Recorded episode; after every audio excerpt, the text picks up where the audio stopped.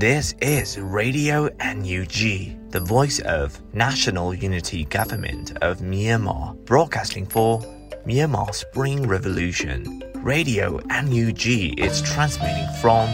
shortwave 16 meter 17.79 megahertz at 8:30 a.m. and 25 meter 11.94 megahertz at 8:30 p.m. Myanmar Standard Time. မင်္ဂလာပါခင်ဗျာ အမျိုးသားညီညွတ်ရေးအစိုးရရဲ့အတန်လွင့်ဌာန Radio NUG ကိုမနက်ပိုင်း၈နာရီခွဲမှာလိုင်းတို16မီတာစက္ကန့်တက်သမ9 MHz ညပိုင်း၈နာရီခွဲမှာလိုင်းတို25မီတာ17တက်သမ6 MHz တို့မှာဓာတ်ရိုက်ဖမ်းယူနိုင်နိုင်ပါပြီမင်္ဂလာအပေါင်းနဲ့ပြည့်စုံကြပါစေအခုချိန်ကစပြီး Radio NUG အစီအစဉ်တွေကိုဓာတ်ရိုက်အတန်မြင့်ပေးနေပါပြီ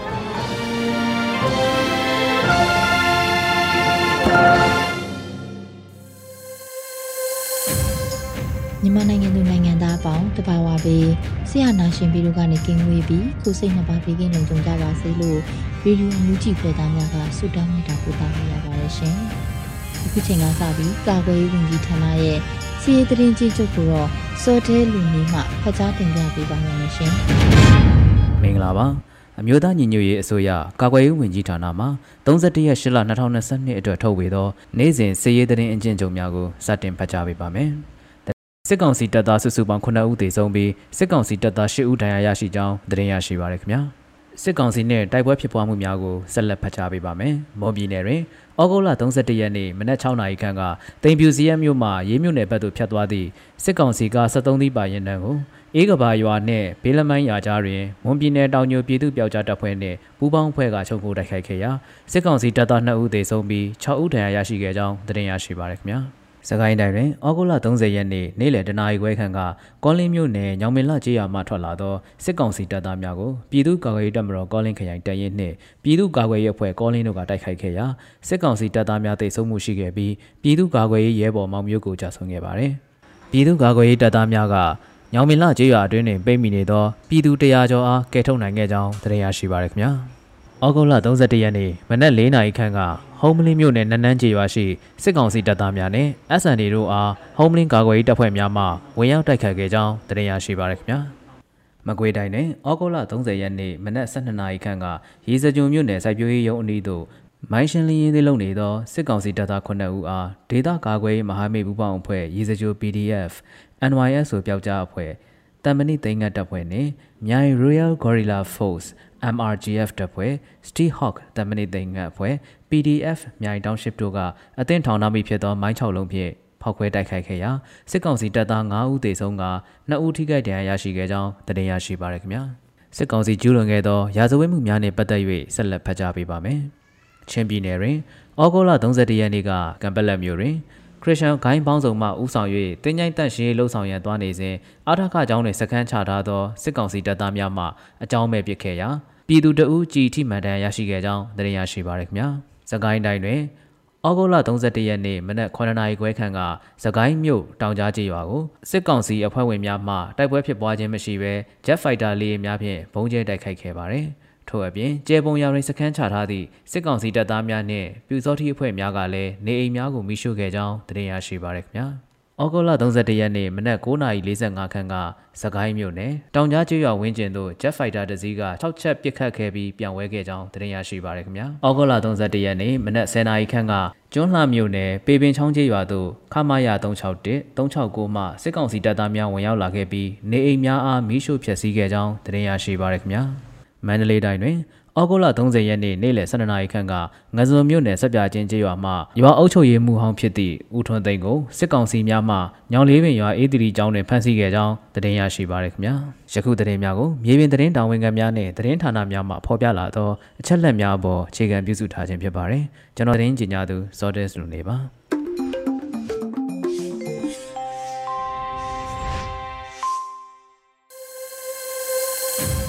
အခုဆက်လက်ပြီးနောက်ဆုံးရသတင်းများကိုအရီမှဖတ်ကြားတင်ပြပေးပါရမရှင်။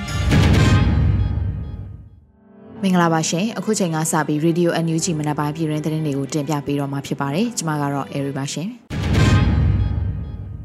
ပထမဆုံးအနေနဲ့အကြမ်းဖက်စစ်တပ်ရဲ့နိုင်ငံမျက်နှာမထောက်ပြည်သူမျက်နှာမထောက်ထင်ရဆိုင်စီမံလှုပ်ဆောင်နေမှုတွေကြောင့်စီးပွားရေးပြိုလဲမယ်ဆိုတာခန့်မှန်းထားတယ်လို့ဝန်ကြီးချုပ်ပြောဆိုလိုက်တဲ့သတင်းကိုတင်ပြပေးပါမယ်။ အကြံဖက်စစ်တပ်ရဲ့နိုင်ငံမျက်နှာမထောက်ပြည်သူမျက်နှာမထောက်ထင်ရဆိုင်စီမံလှုပ်ဆောင်နေမှုတွေကြောင့်စီးပွားရေးတွေပြိုလဲမယ်ဆိုတာခံမှန်းထားတယ်လို့နိုင်ငံတော်ဝန်ကြီးချုပ်မန်ဝင်းခိုင်တန်းကဩဂုတ်လ30ရက်နေ့မှာကျင်းပတဲ့အစိုးရအဖွဲ့အစည်းအဝေးမှာထည့်သွင်းပြောကြားလိုက်ပါတယ်။ အကြံဖက်စစ်တပ်ရဲ့နိုင်ငံမျက်နှာမထောက်ပြည်သူမျက်နှာမထောက်ထင်ရဆိုင်စီမံလှုပ်ဆောင်နေမှုတွေကြောင့်စီးပွားရေးတွေပြိုလဲမယ်ဆိုတာခံမှန်းထားတယ်။အကြံဖက်စစ်ကောင်စီကအရင်လိုအာဏာရှင်တွေလိုပဲပြည်သူတွေကြက်တဲရင်နိုင်ငံရေးကိုထင်တယ်လို့ချဲလဲလို့ရမယ်အထင်နဲ့ပြည်သူတွေကိုဒုက္ခမျိုးစုံဖန်တီးပေးနေတယ်။အကောင့်ကြီးရှိနေတဲ့အတိုင်းပြည်ဟာနှစ်နှစ်မပြည့်မီအချိန်မှာအလွန်ဝမ်းနည်းစရာကောင်းလောက်အောင်ကြုံတွေ့နေရတဲ့အဖြစ်ဟာအကြံဖက်စစ်ကောင်စီပဲဖြစ်တယ်။ပြည်သူတွေအချင်းချင်းရုံရုံကြည်ကြည်နဲ့လက်တွေမြဲအောင်ချိတ်ပြီးရုန်းကန်ရမှာဖြစ်တယ်။အစိုးရအဖွဲ့တွေကလည်းဗတ်ပေါင်းစုံကဏ္ဍပေါင်းစုံကစူးစမ်းရင်ပြည်သူတွေနဲ့အတူရုန်းကန်နေတယ်လို့ဆိုထားပါတယ်။လက်ရှိမှာပြည်ရင်းရွှေစည်းနှုန်းနဲ့နိုင်ငံခြားငွေလဲလှယ်နှုန်းဟာစံချိန်တင်မြင့်တက်နေပြီးစစ်ကောင်စီကနေထိမ့်မရပဲကုန်စည်နှုန်းနဲ့အဆမတန်ကြီးမြင့်လျက်ရှိနေတာလည်းဖြစ်ပါတယ်ရှင်။ဆက်လက်ပြီးပြည်ထောင်စုဝန်ကြီးချုပ်မန်ဝင်းခိုင်တန်းက Local People Defense Force ကိုငွေကျပ်စစ်သိန်းပေးအပ်လှူဒါန်းခဲ့တဲ့တဲ့တင်ကိုတင်ပြပေးပါမယ်။ ပြည်ထောင်စုဝန်ကြီးချုပ်မန်ဝင်းခိုင်တန်းက Local People Defense Force ကိုငွေကျပ်10သိန်းပေးအပ်လှူဒါန်းခဲ့တယ်လို့ဩဂုတ်လနောက်ဆုံးပတ်မှာ Local People Defense Force ကအတည်ပြုပြောဆိုပါတယ်။ပြည်ထောင်စုဝန်ကြီးချုပ်မန်ဝင်းခိုင်တန်းမှလှူဒါန်းသောအလှူငွေ10သိန်းကျပ်အားမိမိတို့ Local People Defense Force မှလက်ခံရရှိပါတယ်လို့ဆိုထားပါတယ်။အဆိုပါလှူဒါန်းငွေကျပ်10သိန်းကိုတခြားအဖွဲ့အစည်းတွေပါမျှဝေကူညီသွားမယ်လို့ Local People Defense Force ကသတင်းထုတ်ပြန်ထားပါတယ်ရှင်။ ဆက်လက်ပြီးပြည်သူ့ခုခံတွန်းလှန်စစ်တနစ်ပြည့် Radio NUG မှာကာကွယ်ရေးဝန်ကြီးဦးရီမွန်ကမေကွန်ပြောကြားမယ်ဆိုတဲ့သတင်းကိုတင်ပြပေးပါမယ်။ ပြည်သူ့ခုခံတွန်းလှန်စစ်ကြီးညာတဲ့တနစ်ပြည့်အဖြစ် Radio NUG မှာကာကွယ်ရေးဝန်ကြီးဦးရီမွန်ကမေကွန်ပြောကြားမယ်လို့သတင်းရရှိပါတယ်။2022ခုနှစ်စက်တင်ဘာလ9ရက်နေ့မှာကာကွယ်ရေးဝန်ကြီးဦးရီမွန်ဟာနေဦးတော်လှန်ရေးနဲ့ပတ်သက်လို့မေကွန်ပြောကြားမှာဖြစ်ပြီးတော့ပြည်သူလူထုစီကိုသတင်းစကားများပါမှာလည်းဖြစ်ပါတယ်။2021ခုနှစ်စက်တင်ဘာလ9ရက်နေ့မှာပြည်သူ့ခုခံတွန်းလှန်စစ်တီစတင်မှုအမျိုးသားညီညွတ်ရေးအစိုးရကကြေညာခဲ့ပြီးလက်ရှိမှာစစ်ကောင်စီဟာစစ်ရေးအရာရောနိုင်ငံတကာတန်တမန်မျက်နှာစာမှာပါအထိနာကြာရှုံးလျက်ရှိနေပါတယ်ရှင်။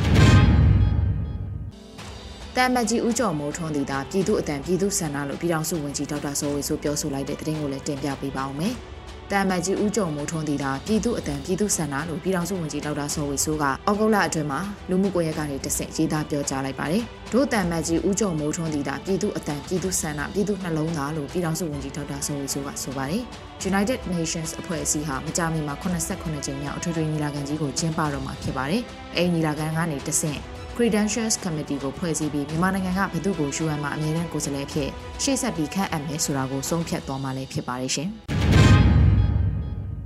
ဆက်လက်ပြီး Spring Yangon Investment အိမ်ယာစီမံကိန်းကို NUG Pay DMMK နဲ့လည်းပေးချေနိုင်ပြီဆိုတဲ့သတင်းကိုတင်ပြပေးပါမယ်။ Spring Yangon Investment အိမ်ယာစီမံကိန်းကို NUG Pay DMMK နဲ့လည်းပေးချေနိုင်တယ်လို့ဩဂုတ်လ30ရက်နေ့မှာ EOD ကအသိပေးပြောဆိုပါတယ်။ရောင်းချမဲ့မြေကွက်အရေးအတွက်ကတော့ຫນွေဦးရိတ်မုံမင်းဓမအတွက် ပေ60ပေ80အကွက်100နှွေဦးမော်ကွန်တက်တန်တုမာမှာပေ60ပေ80အကွက်200နှွေဦးမော်ကွန်တက်တန်တုမာမှာပေ40ပေ60အကွက်400တို့ဖြစ်တယ်လို့သိရှိရပါတယ်။ဝယ်ယူလိုတဲ့မြေကွက်တန်ဖိုးရဲ့40ရာခိုင်နှုန်းကိုတော်လန်ရေးကာလအတွင်းပေးချေပြီးကျန်တဲ့60ရာခိုင်နှုန်းကိုတော့တော်လန်ရေးကာလအလွန်စီမံကိန်းပြင်ဆင်ချိန်မှာပေးချေရမှာဖြစ်ပါတယ်။စတင်ရောင်းချချိန်ကနေ3လအတွင်း3ချိန်အထိအရေးကြငွေပေးချိန်နိုင်ပြီးနောက်ဆုံးငွေချေရက်ကတော့2022ခုနှစ်နိုဝင်ဘာလ30ရက်နေ့ဖြစ်ပါတယ်။ ဝယ်ယူသူ3ဦးထိအများဆုံးဆက်တူဝယ်ယူနိုင်ပြီးငွေပေးချေရမယ့်အချိန်ကတော့အများဆုံး3ချိန်သာဖြစ်ရမယ်လို့ဆိုထားပါတယ်ရှင်။ဆက်လက်ပြီးတော်ကြီးကန်စစ်စင်ရေးအနေနဲ့ရေစကြိုမြို့အမှတ်၈ရပ်ကွက်ဘောလုံးကွင်းပြန်ကြစီအနီးမှာဈေးကောက်ကောက်ကင်းပတ်လာတဲ့စစ်ကောင်စီတပ်နဲ့ဖြူတွေကိုတိုက်ခိုက်ခဲ့တဲ့တဲ့ရင်ကိုတင်ပြပေးပါမယ်။ တော်ကြီးကန်စစ်စင်ရေးအနေနဲ့ရေစကြိုမျိုးအမှတ်၈ရပ်ကွက်ဘောလုံးဝင်းပြန်ကြစီအနီးမှာဈေးကောက်ကောက်ပြီးကင်းပတ်လာတဲ့စစ်ကောင်စီနဲ့ပြူငါဦးစလုံးတေဆုံးခဲ့တယ်လို့ဩဂုတ်လ31ရက်နေ့မှာ Phoenix အထူးပြောက်ကြားတပ်ဖွဲ့ကစီးရေးသတင်းကိုထုတ်ပြန်ပါတယ်။ဩဂုတ်လ29ရက်နေ့မနက်9နာရီခွဲအချိန်လောက်မှာမကွေးတိုင်းဒေသကြီးရေစကြိုမျိုးအမှတ်၈ရပ်ကွက်ဘောလုံးဝင်းပြန်ကြစီအနီးမှာဈေးကောက်ကောက်ပြီးကင်းပတ်လာတဲ့ပြူကောင်းဆောင်ထွန်းအောင်ကျော်အပါအဝင် စခပခ9ကောင်ကိုမိမိတို့မျိုးပြပျောက်ကြားစစ်စင်ရေးမဟာမိတ်ပူးပေါင်းတပ်ဖွဲ့ကတုတ်တင်ရှင်းလင်းခဲ့ပြီး9ကောင်စလုံးကိုအဝီစီးသို့စက္ကန့်ပိုင်းတွင်အရောက်ပို့ဆောင်ပေးခဲ့တယ်လို့ဆိုထားပါတယ်။တင်းစီရမိခဲ့တဲ့လက်နက်တွေကတော့ MA4 တက်လက် MA1 တက်လက် AK47 တက်လက်ကာဘိုင်2လက်နဲ့အတူ MAG ပေါက်5ခု40မမဘုံဒီ4လုံးအီနာက5လုံးလက်ပစ်ပုံ1လုံးနဲ့ဖုန်း2လုံးတို့ဖြစ်ပါတယ်။ ပူပေါင်းမြို့ပြပျောက်ကြားစစ်စင်ရေးကို Phoenix အထူးပျောက်ကြားတပ်ဖွဲ့ဒေါင်းကြီးနောင် PDF Black Wolf People's Defense Force MDY People Defense Force Mandalay နဲ့ Phoenix အထူးပျောက်ကြားတပ်ဖွဲ့ရေးစကြိုးတို့ပါဝင်ထားတယ်လို့သိရှိရပါတယ်ရှင်။ဆက်လက်ပြီးစကိုင်းမြို့နယ်တောင်ကြားရွာကိုစစ်တပ်က Jet Fighter နဲ့ပစ်ခတ်တိုက်ခတ်ခဲ့တဲ့တဲ့တင်ကိုလည်းတင်ပြပေးပါောင်းမယ်။ စကိုင်းမြို့နယ်တောင်ကြားရွာကိုစစ်တပ်က Jet Fighter နဲ့ပစ်ခတ်တိုက်ခတ်ခဲ့တယ်လို့ဩဂုတ်လ31ရက်နေ့မှာတရဝူဘက်ကနေတက်လာတဲ့ Jet Fighter နဲ့မနက်9:42မိနစ်အချိန်လောက်မှာအရင်ရက်ကတောင်ကြားရွာတိုက်ပွဲဖြစ်ပွားခဲ့တဲ့နေရာကို6ချက်ခန့်ပစ်ခတ်ခဲ့ပါတယ်။ဒါအပြင်ကျေပုံရွာကနေစစ်ကောင်စီတပ်နဲ့ပြူစောတိအဖွဲ့ကတောင်ကြားရွာကိုမနက်9နာရီခွဲအချိန်လောက်မှာလက်နက်ကြီးနဲ့9ချက်ထုခဲ့ပြီးတောင်ကြားရွာမှာမိလောင်ပျက်စီးခြင်းမရှိသေးတဲ့လူနေအိမ်တွေကိုထပ်မံမိရှို့ခဲ့တယ်လို့လည်းသိရှိရပါတယ်။ ဩဂုတ်လ29ရက်နေ့ကလည်းစစ်ကောင်စီတပ်နဲ့ကျေပုံရွာပြူရဲ့မိရှို့မှုကြောင့်အိမ်ခြေ130မိလောင်ပျက်စီးခဲ့သေးတယ်လို့လည်းသိရှိရပါတယ်ရှင်။စစ်ကောင်စီတပ်တွေနဲ့ပြည်သူ့ကာကွယ်ရေးတပ်မတော်မန္တလေးတို့ဩဂုတ်လအတွင်းထိတွေ့တိုက်ပွဲတွေမှာစစ်ကောင်စီတပ်ကအယောက်40ကျော်သေဆုံးခဲ့တယ်ဆိုတဲ့သတင်းကိုတင်ပြပေးပါမယ်။စစ်ကောင်စီတပ်တွေနဲ့ပြည်သူ့ကာကွယ်ရေးတပ်မတော်မန္တလေးတို့ရဲ့ဩဂုတ်လအတွင်းထိတွေ့တိုက်ပွဲတွေမှာစစ်ကောင်စီတပ်ဖက်ကအယောက်40ကျော်သေဆုံးခဲ့တယ်လို့ဩဂုတ်လ31ရက်နေ့မှာ MDY PDF ကစီးရေးသတင်းကိုထုတ်ပြန်ပါတယ်။ ပြည်သူ့ကာကွယ်ရေးတပ်မတော်မန္တလေးနဲ့အကြမ်းဖက်စစ်ကောင်စီတပ်တွေအကြားပြင်ဦးလွင်မြို့နယ်နဲ့နောင်ချိုမြို့နယ်တို့မှာတိုက်ပွဲတွေဖြစ်ပွားလျက်ရှိပါတယ်။ဩဂုတ်လ24ရက်နေ့မှာစစ်ကောင်စီဘက်ကတပ်မ101လက်အောက်ခံခလာရ253စကခ1လက်အောက်ခံခမရ902နဲ့ခမရ905တပ်ရင်းတွေဟာမနက်၈နာရီအချိန်လောက်မှာလက်နက်ကြီးတွေနဲ့စတင်ပစ်ခတ်ပြီးတိုက်ပွဲဖြစ်ပွားခဲ့ပါတယ်လို့ဆိုပါတယ်။တိုက်ပွဲအတွင်းစစ်ကောင်စီစစ်ကြောင်းကိုမိမိတို့တပ်ဖွဲ့ဝင်တွေကအဆင့်ဆင့်ပိတ်ဆို့ထားခဲ့ရမှာအထီးခိုက်အကြဆုံးများလာတဲ့အတွက်ညနေ၄နာရီလောက်မှာစစ်ကောင်စီဘက်ကရဟတ်ရင်တွေနဲ့လာရောက်ပစ်ခတ်ပုံကျဲမှုတွေပြုလုပ်ခဲ့တယ်လို့ဆိုပါတယ်။အဆိုပါတိုက်ပွဲမှာစစ်ကောင်စီဘက်က20လောက်ကြာဆုံးပြီးထိခိုက်ဒဏ်ရာရရှိသူတွေလည်းများပြားတယ်လို့မြေပြင်သတင်းတွေအရသိရှိရပါတယ်။ ဩဂုတ်လ29ရက်နေ့ညနေ6နာရီအချိန်လောက်မှာမိမိတို့ပြည်သူ့ကာကွယ်ရေးတပ်မတော်မန္တလေးကတပ်ဖွဲ့ဝင်တွေမိုင်းကွင်းဖော်ပြီးနေရာယူထားတဲ့နေရာကိုစစ်ကောင်စီစစ်ကြောင်းဝင်ရောက်လာတဲ့အတွက်မိုင်းဆွဲတိုက်ခတ်ခဲ့ပြီးအပြန်အလှန်ပစ်ခတ်မှုတွေလည်းရှိခဲ့ပါတယ်။အဆိုပါတိုက်ပွဲမှာလက်ဦးမှုရရှိတာကြောင့်စစ်ကောင်စီတပ်ဖွဲ့ဝင်တွေထိခိုက်သေဆုံးမှုများခဲ့ပြီး19ယောက်လောက်သေဆုံးခဲ့ရတယ်လို့အပြင်းထန်ဒဏ်ရာရရှိသူ40လောက်အထိရှိနိုင်တယ်လို့လည်းသတင်းရရှိပါတယ်။ဩဂုတ်လ30ရက်နေ့မနက်ပိုင်းမှာလည်းစစ်ကောင်စီစစ်ကြောင်းကိုထပ်မံမိုင်းဆွဲခဲ့ပြီးစစ်ကောင်စီတပ်ဖွဲ့ဝင်3ဦးသေဆုံးခဲ့တယ်လို့သိရှိရပါတယ်ရှင်။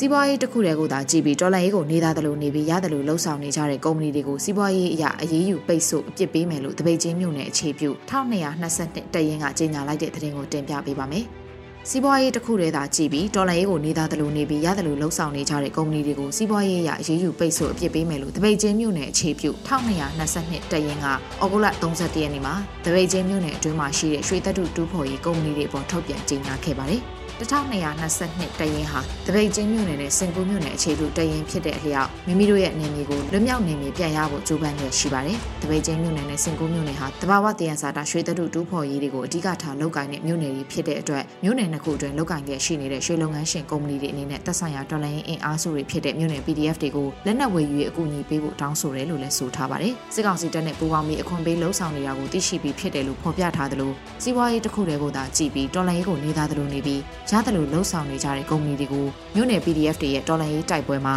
တက်အားသဖြင့်မပါဝင်လာပါကတပိတ်ချင်း PDF နဲ့စင်ကူ PDF အဖွဲ့တွေရဲ့စီးပွားရေးအရအရေးယူပိတ်ဆို့အပြစ်ပေးခြင်းတွေရရှိခံစားရမယ်လို့ဆိုထားပါတယ်ရှင်။ဆက်လက်ပြီး Project Skywalk စီမံချက်မှာလူတိုင်းပါဝင်ကူညီဖို့ဒေါက်တာတေဇာဆန်တိုက်တွန်းပြောကြားလိုက်တဲ့တဲ့တင်ကိုတင်ပြပေးပါမယ်။ Project Skywalk စီမံချက်မှာလူတိုင်းပါဝင်ကူညီဖို့ဒေါက်တာတေစာဆန်ကဩဂုတ်လ31ရက်နေ့မှာလူမှုကွန်ရက်ကနေတဆင့်တိုက်တွန်းပြောကြားလိုက်ပါတယ်။အခုဆို drone တွေရဲ့ငွေကြေးတန်ဖိုးကလည်းခေါင်းခိုက်နေတယ်ဆိုတာလည်းအားလုံးအသိပါပဲ။ဒီ project skywalk စီမံချက်ဟာကျွန်တော်တို့ PDF သူရဲကောင်းတွေအတွက်မြေပြင်မှာအမှန်လိုအပ်နေတဲ့ drone တွေများများဆဆထောက်ပံ့တက်ဆင်ပေးနိုင်မှု NUG ကာကွယ်ရေးဝန်ကြီးဌာနကစီစဉ်ဆောင်ရွက်တာလို့သိရပါတယ်။ဒီစီမံချက်ကနေရရှိဖို့မျှော်မှန်းအလူငွေပမာဏက American Dollar တသန်းလို့လည်းသိရပါတယ်။အလွန်အကျိုးရှိမဲ့လုပ်ငန်းပါဗျာ။ ပြည်သူအားကိုအများကြီးလိုအပ်ပါတယ်ခင်ဗျာ။ gain ဝိုင်းကြဝင်းကြအောင်ဆိုလို့ဆိုထားပါတယ်။ Project Skyward ကိုအမျိုးသားညီညွတ်ရေးအစိုးရကာကွယ်ရေးဝန်ကြီးဌာနကပြုလုပ်တာဖြစ်ပြီးကာကွယ်ရေးဒုဝန်ကြီးနိုင်ကောင်းရွက်ကဦးဆောင်ကဗန်နာရေးနဲ့ပြည်သူ့ဆက်ဆံရေးအဖွဲ့တို့ဦးစီးလှုပ်ဆောင်တာဖြစ်ပါတယ်။ Project Skyward ကနေ American Dollar တသန်းအနည်းဆုံးရမုံကိုရဖို့အတွက်ဆောင်ရွက်သွားမှာဖြစ်ပြီးတော့စနစ်ကျတဲ့ Chain of Command တစ်ခုအောက်မှာအားလုံးပူးပေါင်းဆောင်ရွက်သွားကြဖို့ကိုလည်းဒီ project ကဦးတည်ရည်ရွယ်ဆောင်ရွက်တာဖြစ်တယ်လို့လည်းတင်ပြရရှိပါတယ်ရှင်။ အခုတင်ပြပေးခဲ့တဲ့သတင်းတွေကိုတော့ Radio NUG သတင်းတောင်မင်းမင်းကပေးပို့ထားတာဖြစ်ပါတယ်ရှင်။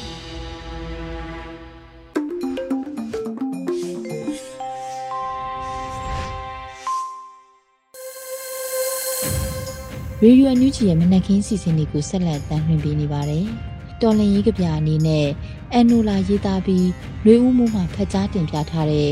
ကိုအန်နိုလာခမည်းငရဲဖြီရောက်ဘူးလားလို့အမည်ရတဲ့တော်လင်ရေးကဗျာကိုနားဆင်ကြရမှာဖြစ်ပါ ကိုအန်နိုလာခမည်းငရဲပြည်ရောက်ဘူးလား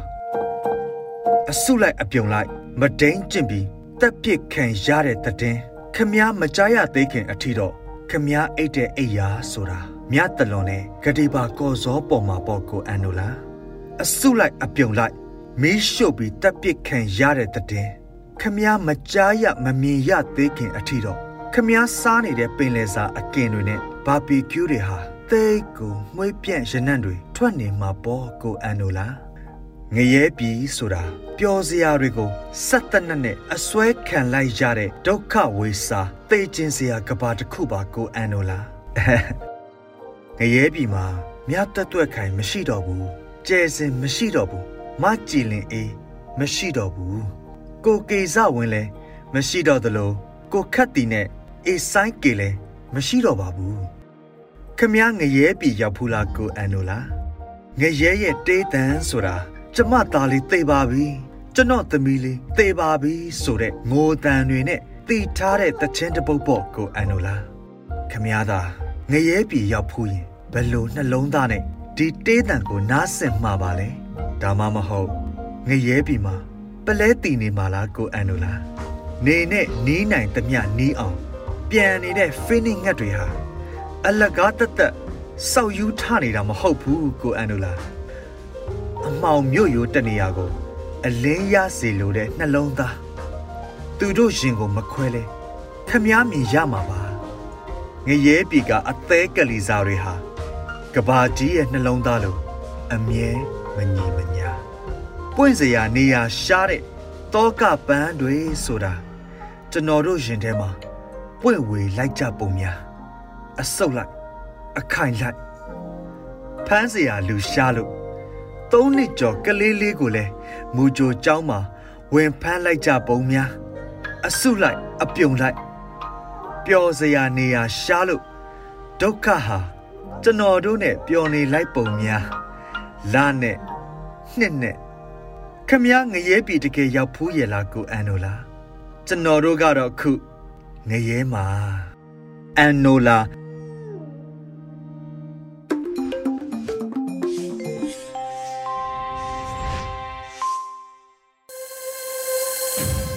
အခုဆက်လက်ပြီးနားဆင်ကြရမှာကတော့ပြည်သူခုခံစစ်တရင်များဖြစ်ပါတယ်။မျိုးဦးလေးပြမှဖော်ကြားတင်ပြပေးပါမယ်ရှင်ပထမဦးစွာစကိုင်းမြို့နယ်တောင်ကြားရွာမှအနီးတိုက်ပွဲဖြစ်ပွားပြီးစစ်သား2ဦးသေဆုံးက PDF ရဲဘော်2ဦးကြာဆုံးတဲ့တဲ့ရင်တင်ဆက်ပါမယ်။ စကိုင်းမြို့နယ်တောင်ကြားရွာသို့ထိုးစစ်ဆင်လာသောအကြမ်းဖက်စစ်တပ်စစ်ကြောင်းကိုဩဂုတ်လ28ရက်နေ့တွင်ဒေသခံကာကွယ်ရေးမဟာမိတ်အဖွဲ့များကကြားဖြတ်တိုက်ခိုက်ခဲ့လို့တိုက်ပွဲဖြစ်ပွားခဲ့ပြီးစစ်သား2ဦးသေဆုံးက PDF 2ဦးကြာဆုံးခဲ့ပြီးနောက်တောင်ကြားရွာအတွင်းသို့ဝင်ရောက်လာစဉ်ထပ်မံမိုင်းဆွဲတိုက်ခိုက်ခဲ့ရပြီးညအချိန်ကျေးရွာကိုမိရှို့ဖျက်ဆီးခဲ့ကြောင်းသတင်းရရှိပါသည်။ရင်းချမ်းဖက်စစ်တပ်သည်ဩဂုတ်လ29ရက်နေ့မွန်းလွဲပိုင်းတွင် ကျေးရွာကိုထပ်မံမိရှို့ဖျက်ဆီးစဉ်ကာကွယ်ရေးတပ်ဖွဲ့များကဝင်ရောက်တိုက်ခိုက်ပြီးနောက်ထိခိုက်ဒဏ်ရာရရှိမှုများရှိကကျေးရွာအတွင်းမှဆုတ်ခါသွားကြောင်းသိရှိရပါတယ်။ရွှေကျင်မြို့နယ်စစ်ကောင်စီတပ်၏တန်းစိတ်စခန်းကို KNL တိုက်ခိုက်သိမ်းပိုက်တဲ့တဲ့ရင်ဆက်လက်တင်ဆက်ပါမယ်။ ပဲခူးတိုင်းရွှေကျင်မြို့နယ်တန်စိတ်မင်းလန်းကြီးရွာရှိအကြမ်းဖက်စစ်ကောင်စီစစ်ခန်းကို KNL တပ်မဟာ3တရင်ခုနှစ်ကဩဂုတ်လ30ရက်ယမန်နေ့နနက်တွင်ဝင်ရောက်တိုက်ခိုက်သိမ်းပိုက်လိုက်ကြောင်းသိရှိရပါတယ်။ KNL တပ်မဟာ3တရင်ခုနှစ်တပ်ဖွဲ့များကတန်စိတ်စခန်းကိုတိုက်ခိုက်သိမ်းပိုက်ပြီးနောက်လက်နက်ခဲယမ်းသိမ်းဆည်းရရှိမှုနှင့်စစ်ကောင်စီတပ်အသေးဆုံးစီးရင်ကိုတရားဝင်ထုတ်ပြန်ခြင်းမရှိသေးပါဘူး။ နောက်ဆုံးအနေနဲ့ရေစကြိုတွင်စစ်ရင်တမ်းများနှစ်ကြိမ်မိုင်းခွဲခံရပြီးစစ်သား25ဦးသေဆုံးကမြို့လယ်တွင်ပြစ်ခတ်မှုကြောင့်သေဆုံးသွားသောပြူစောထီကောင်းဆောင်ထွန်းအောင်ကျော်နှင့်အဖွဲ့ဝင်5ဦးထပ်မှလက်နက်5လက်ရရှိတဲ့သတင်းတင်ဆက်ပါမယ်။ မကွေးတိုင်းရေစကြုံမြို့နယ်တွင်အကြမ်းဖက်စစ်ကောင်စီရင်နှန်းများကိုဩဂုတ်လ29ရက်နှင့်30ရက်တွင်ဒေသကာကွယ်ရေးတပ်ဖွဲ့များကမိုင်းခွဲတိုက်ခိုက်ရာစစ်ကောင်စီတပ်ဖွဲ့ဝင်25ဦးသေဆုံးပြီးအများအပြားဒဏ်ရာရကကားနှစ်စီးမိလောင်ပျက်စီးသွားကြောင်းရေစကြို PDF ကသတင်းထုတ်ပြန်ပါတယ်။ဩဂုတ်လ29ရက်မွန်းလွဲ2နာရီခန့်တွင်အကြံဖက်စစ်ကောင်စီ၏စစ်ကား2စီးနှင့် light truck 3စီးကိုဒေသကာကွယ်ရေးတပ်ဖွဲ့များကရေစကြိုမျိုးအဝင် စိုက်ပျိုးရေးယုံအနီး၌မိုင်းခွဲတိုက်ခိုက်ရာစစ်သုံးကားတစ်စီးနှင့် light truck ကားတစ်စီးတဲ့တဲ့ထိမှန်ပျက်စီးပြီးစစ်သား20ဦးသေဆုံးကြောင်းသိရှိရတာပါ။။ဩဂုတ်လ30ရက်နေ့လယ်တွင်အဆိုပါစိုက်ပျိုးရေးရုံအနီး၌မိုင်းရှင်းလင်းရေးလုပ်နေသောစစ်ကောင်စီတပ်ဖွဲ့ကိုဒေသကာကွယ်ရေးတပ်ဖွဲ့များကထပ်မံဖောက်ခွဲတိုက်ခိုက်ရာစစ်သား9ဦးသေဆုံးပြီး2ဦးဒဏ်ရာရရှိကြောင်းရေစကြို PDF ကထုတ်ပြန်ပါတယ်။။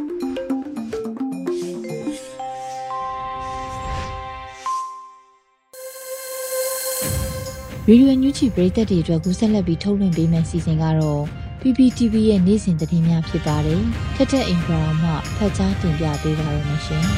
။ပထမဆုံးတင်ဆက်ပေးမယ့်သတင်းကတော့စီမံကိန်းဗန်ဒါရီနဲ့ရင်းနှီးမြှုပ်နှံမှုဝန်ကြီးဌာနက Spring Yangon Investment အင်အားစီမံကိန်းကိုစက်တင်ဘာလ၁ရက်နေ့မှာစတင်ရောက်ချတော့မယ်ဆိုတဲ့သတင်းပါ။ အမျိုးသားညီညွတ်ရေးအစိုးရစီမံကိန်းဗန်နာရေးနဲ့ရင်းနှီးမြှုပ်နှံမှုဝန်ကြီးဌာနရဲ့ DNO Dictatorship ကဖော်ဆောင်နေတဲ့ Spring Yangon Investment အင်အားစီမံကိန်းကိုစက်တင်ဘာလ၁ရက်နေ့ကနေစတင်ရောက်ချတော့မှာဖြစ်တယ်လို့ဒီကနေ့မှသတင်းထုတ်ပြန်လိုက်ပါတယ်။ရောင်းချမဲ့ရဲ့အပြောင်းအလဲရှိရင်လည်းထပ်မံကျင်းပပေးမယ်လို့ဖော်ပြထားပြီးစီကန်းချက်နေဖြစ်နေကတော့ပမာဏပြည့်အောင်မပေးချင်နိုင်ရင်မြေပိုင်ခွင့်ရရှိမှာမဟုတ်ပဲတော်လန်ရေးအလွန်ကာလမှာတော့အဲ့ဒီပေးသွင်းထားတဲ့ငွေပမာဏအတိုင်းပြန်လည်ထုတ်ပေးသွားမှာဖြစ်ပါတယ်။ ဝေပေးချေမှုမှာ NUG Pay DMMK နဲ့ပေးချေနိုင်တယ်လို့မြန်မာကျပ်ငွေနဲ့ပေးချေလို့လဲဆိုရင်လဲဝန်ဆောင်မှုပေးနိုင်တဲ့ agent တွေစီကနေဓာတ်ရိုက်ဆက်သွယ်ဝယ်ယူနိုင်ပါတယ်။ဝေပေးချေနိုင်မှုအတွက်ငွေရပြည်စာရရှိနိုင်မှာဖြစ်ပြီးတော့ငွေအချေချေပြီးတဲ့အခါကျရင်မြေပိုင်ဆိုင်မှုအာမခံစာချုပ်ရရှိသွားမှာပါ။ဝယ်ယူတဲ့သူတွေကတော့2ဦးဒါမှမဟုတ်3ဦးဆက်တူဝယ်ယူရဲဆိုရင်မြေပိုင်ဆိုင်မှုအာမခံစာချုပ်မှာမြေပိုင်ဆိုင်သူအလုံးရဲ့အမည်တွေကိုဖော်ပြပေးသွားမှာဖြစ်ပါတယ်။ Spring Yangon Investment အင်အားစီမံကိန်းကိုပြည်ပနိုင်ငံသားတွေအနေနဲ့လည်းဝယ်ယူနိုင်ပြီးတော့တော်လိုင်းကာလအလွန်မှာຫນွေဦးရန်ကုန်မြေကွက်တွေကိုနိုင်ငံခြားသားပိုင်ဆိုင်မှုခွင့်ပြုတဲ့တီးတန့်အမိတ်ဒီဂရီဥပဒေတွေပြဋ္ဌာန်းပေးသွားမှာပါ။အာလီဘတ်အစီအစဉ်မှာပါဝင်ဖို့အတွက်အယောင်စတင်တဲ့ပထမအဆုံးနေ့မှာတော်လိုင်းရေးကာလအတွင်းငွေပေးချေရမယ့်ငွေပမာဏကိုအေဂျင့်ထံအပြည့်ပေးချေရမှာဖြစ်ပြီးတော့ပထမနေ့မှာပဲအေဂျင့်က order form နဲ့ plot form တင်ပြီးတော့ဖြည့်ရမယ်လို့ဖော်ပြထားပါတယ်။ လက်ရှိချိန်မှာစီမံကိန်းနေရာမှာမြေကွက်နံပါတ်နဲ့အကွက်ရိုက်ထားတာမရှိသေးပေမဲ့လည်းတော်လိုင်းရေးတော်ကာလစီမံကိန်းပြင်ဆင်ချိန်မှာမြေကွက်နံပါတ်ပါတဲ့ plan အတိအကျထွက်မယ်လို့ဖော်ပြထားပြီးတော့ Alibag မှာပါဝင်သူတွေကစီမံကိန်းပြင်ဆင်ချိန်မှာမြေကွက်ရွေးချယ်ခွင့်ရရှိမယ်လို့ဆိုထားပါတယ်။ကျန်တဲ့ဝယ်ယူသူတွေအတွက်မြေကွက်နံပါတ်နေရာကိုမဲစနစ်နဲ့ရွေးချယ်ပေးမှဖြစ်ပြီးတော့စီမံကိန်းနေရာတွေကအကွက်တွင်းကြတဲ့နေရာမှာရှိပြီးအဝင်ထွက်လမ်းတွေကလီကစားကွင်းပန်းချံ စတာတွေကိုမျှတအောင်နေရာချထားမှာဖြစ်ပြီးကြောင်ကြတဲ့မြေကွက်နေရာတွေပါဝင်မှာမဟုတ်ဘူးလို့ဆိုထားပါတယ်။မြေဂရမ်အမျိုးအစားဟာ260မြေ9ဂရမ်ဖြစ်ပြီးတော့ဂရမ်ပြည့်ချိန်မှာအစိုးရရဲ့သဘောတူညီချက်နဲ့ထပ်ဆောင်အငှားကာလ10နှစ်နဲ့နောက်ထပ်10နှစ်တိုးခွင့်ရှိမှာဖြစ်တယ်လို့စီမံကိန်းပြင်ဆင်ချိန်မှာသတ်မှတ်လက်ကျန်ဝေပေးချေပြီးပါကမြေဂရမ်ရရှိမှာဖြစ်ပါတယ်။ ပိုင်ဆိုင်မှုအထောက်အထားမြေကရန်ရရှိပေးပါကတည်ဆဲဥပဒေတွေအရလွှဲပြောင်းရောင်းချခွင့်ရှိတယ်လို့ဖော်ပြထားပြီးစီမံကိန်းပြင်ဆင်ချိန်မှာပေးချေရမယ့်60ရာခိုင်နှုန်းကိုဝယ်ယူသူတွေကအဆင့်ပြေစီမဲ့အရေးကြစနစ်နဲ့ပေးသွင်းနိုင်ရန်စီစဉ်ပေးသွားမှာဖြစ်တယ်လို့လည်းဖော်ပြထားပါတယ်။ဆလတ်တင်ဆက်ပေးမှာကတော့ဂန်ကောမြို့နယ်မြောက်ပိုင်းမှာစံတဲ့စီစင်းတို့ထိန်းညှိဖို့အတွက်မြို့နယ်ပြင်ပကိုမရောက်ချဖို့အတွက်ပါအဖာကထုတ်ပြန်လိုက်တဲ့သတင်းမှာ မကွေးတိုင်းဂံကောမြို့နယ်မြောက်ပိုင်းမှာစံစဘာနဲ့စီတွေကိုဈေးနှုန်းထိန်းညှိနိုင်ဖို့အတွက်ဂံကောမြို့နယ်ပြင်ပကိုစံနဲ့စီတွေမရောက်ချဖို့အတွက်ဂံကောမြို့နယ်ပြည်သူ့အုပ်ချုပ်ရေးအဖွဲ့ကအတိပေးထုတ်ပြန်ထားပါတယ်။အတိပေးထုတ်ပြန်ချက်ထဲမှာဂံကောမြို့နယ်မြောက်ပိုင်းဒေသမှာအကြမ်းဖက်စစ်တပ်ကမိရှို့ဖျက်ဆီးထားတာကြောင့်စံစဘာနဲ့ကောက်ပွဲတင်းနှံတွေဆုံးရှုံးတာစံနဲ့စီစင်းနှုန်းကိုထိန်းညှိရန်လိုအပ်တာအဆရှိတဲ့အကြောင်းရင်းတွေကြောင့်ဂံကောမြို့နယ်မြောက်ပိုင်းကနေဂံကောမြို့ပေါ်ကိုဒါမှမဟုတ်ဂံကောမြို့နယ်ပြင်ပကို စံစဘာနဲ့စီတေးရောင်းချတာတွေကိုပိတ်ပင်တားမြစ်ထားရဲဆိုပြီးတော့ဖော်ပြထားတာပါ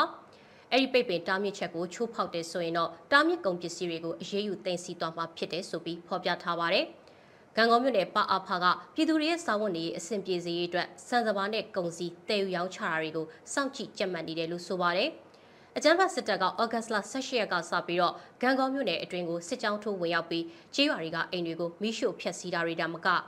စားနပ်ရိက္ခာတွေစေဝါတွေကိုပါမိရှို့ဖျက်ဆီးခဲ့တယ်လို့စစ်ဆောင်ပြည်သူတွေရဲ့ပစ္စည်းတွေကိုပါမိရှို့ဖျက်ဆီးခဲ့တာပါ။ဩဂတ်လ29ရက်မှာတော့ကျေးရွာတွေကိုမိရှို့ဖျက်ဆီးနေတဲ့အကြမ်းဖက်စစ်ကြောင်းကဂံကုန်းမြို့နယ်အခြေဆိုင်ခလာရ90တပ်အတွင်းမှာဝင်ရောက်တပ်ဆွဲနေတယ်လို့လည်းသိရပါဗျ။ဆလတ်တင်ဆက်ပေးမှာကတော့အကြမ်းဖက်စစ်တပ်ကမိရှို့ဖျက်ဆီးထားတဲ့ကျေးရွာတွေမှာထောက်ပံ့ရေးအကူအညီတွေလိုအပ်နေတယ်ဆိုတဲ့သတင်းမှာအကြမ်းဖက်စစ်တပ်ကမကွေးတိုင်းဂံကုန်းမြို့နယ်ကနှံခါကျေးရွာကိုမိရှို့ဖျက်ဆီးထားတာ လက်ရှိချိန်မှာတော့မီရှိုကန်ကြေးရွာကပြည်သူတွေထောက်ပံ့ရေးအကူအညီတွေလိုအပ်နေတယ်လို့နှက်ခရွာပြည်လဲထူထောင်ရေးအဖွဲ့ကပြောပါတယ်။ဩဂတ်စ်လ19ရက်မှာအကြမ်းဖက်စစ်တပ်နဲ့ပြည်သူ့ကာကွယ်ရေးတပ်တွေကြားနှက်ခကြေးရွာအနီးမှာတိုက်ပွဲတွေဖြစ်ပွားခဲ့ပြီးအကြမ်းဖက်စစ်တပ်ဘက်ကတိုက်ဆုံမှုများခဲ့တာပါ။အဲဒီနောက်မှာတော့အကြမ်းဖက်စစ်တပ်ကနှမ်းကားရွာကိုမိရှုဖျက်ဆီးခဲ့တာလည်းဖြစ်ပါတယ်။မိရှုဖျက်ဆီးမှုကြောင့်စာတင်ကျောင်းတွေနေအိမ်တွေအိမ်စီးကားတွေစိုင်ကယ်တွေနဲ့နာရီကားတွေပါပျက်စီးဆုံးရှုံးခဲ့ရတာလည်းဖြစ်ပါတယ်။ နှမ်းကားရွာပြန်လည်ထူထောင်ရေးအဖွဲ့ကတော့အကြမ်းဖက်စစ်တပ်အနေနဲ့နေအိမ်တွေကိုသာမိရှုပြချလို့ရမယ်။ပြည်သူတွေရဲ့စိတ်ဓာတ်ကိုပြချလို့မရဘူးလို့ဆိုထားသလိုသူတို့အဖွဲ့အနေနဲ့မိရှုဖျက်ဆီးခံရတဲ့ပြည်သူတွေကိုထောက်ပံ့မှုတွေပြုလုပ်သွားမယ်လို့ပြောကြားထားပါတယ်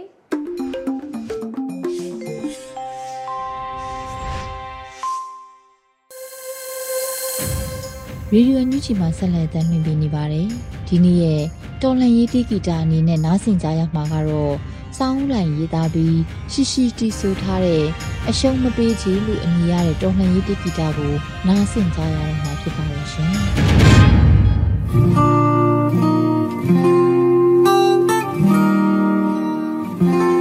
။အာတင်ပါဝမ်း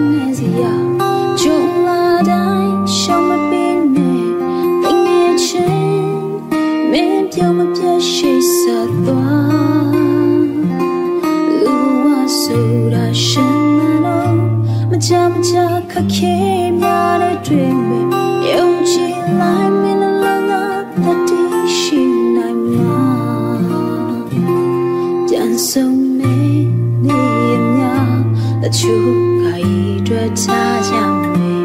တို့ကဘာမြင်နာကတွေလာဘူးတောင်းကိုစီကိုကြိုးဆုံးကြိုးစားရှေ့ဆက်ယုံကြည်စွာရှုံးပေးခြင်း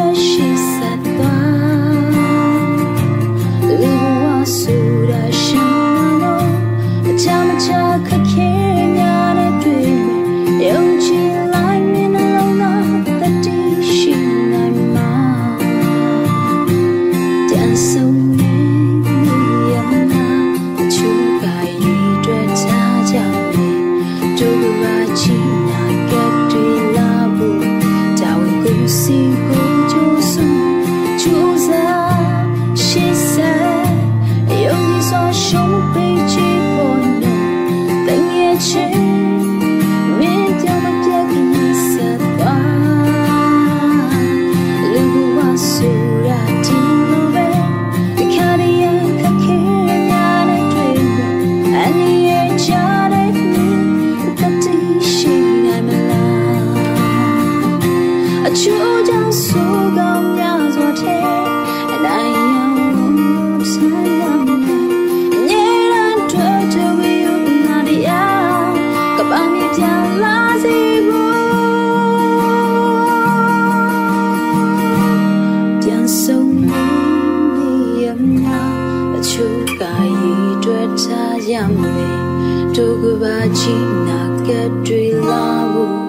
တာဝန်ကိုစီကိုကြိုးစုံကြိုးစားရှေ့ဆက်ယုံကြည်စွာရှုံးပေးချေပေါ်နော်တင်ရဲ့ချင်းမင်းပြောမပြတ်ခရီးဆက်သွားလူဝဆူရာဒီဒီကနေ့ကတော့ဒီညနေပဲ Radio NUG ရဲ့အစည်းအဝေးကိုခਿੱတရရနိုင်ပါမယ်မြန်မာစံတော်ချိန်မနက်၈နာရီခွဲနဲ့ည၈နာရီခွဲအချိန်တွေမှာပြန်လည်ဆုံတွေ့ကြပါစို့ Radio NUG ကိုမနက်ပိုင်း၈နာရီခွဲမှာလိုင်းဒို16မီတာစက္ကန့်တသမ9 MHz ညပိုင်း၈နာရီခွဲမှာလိုင်းဒို25မီတာ17တသမ6 MHz တို့မှာဓာတ်ရိုက်ဖမ်းယူနားဆင်နိုင်ပါပြီမြန်မာနိုင်ငံသူနိုင်ငံသားများကိုယ်စိတ်နှပြကျန်းမာချမ်းသာလို့ဘေးကင်းလုံခြုံကြပါစေလို့ Radio NUG အဖွဲ့သူအဖွဲ့သားများကဆုတောင်းလိုက်ရပါတယ်။အမျိုးသားညီညွတ်ရေးအစိုးရရဲ့စက်သွေးရေးတရင်အချက်အလက်နဲ့ဤပညာဝန်ကြီးဌာနကထုတ်လွှင့်နေတဲ့ Radio NUG ဖြစ်ပါတယ်။ San Francisco Bay Area အခြေစိုက်မြန်မာမိသားစုများနဲ့နိုင်ငံတကာကစေတနာရှင်များလှုပ်အားပေးများရဲ့ Radio NUG ဖြစ်ပါတယ်။အရေးတော်ပုံအောင်ရမည်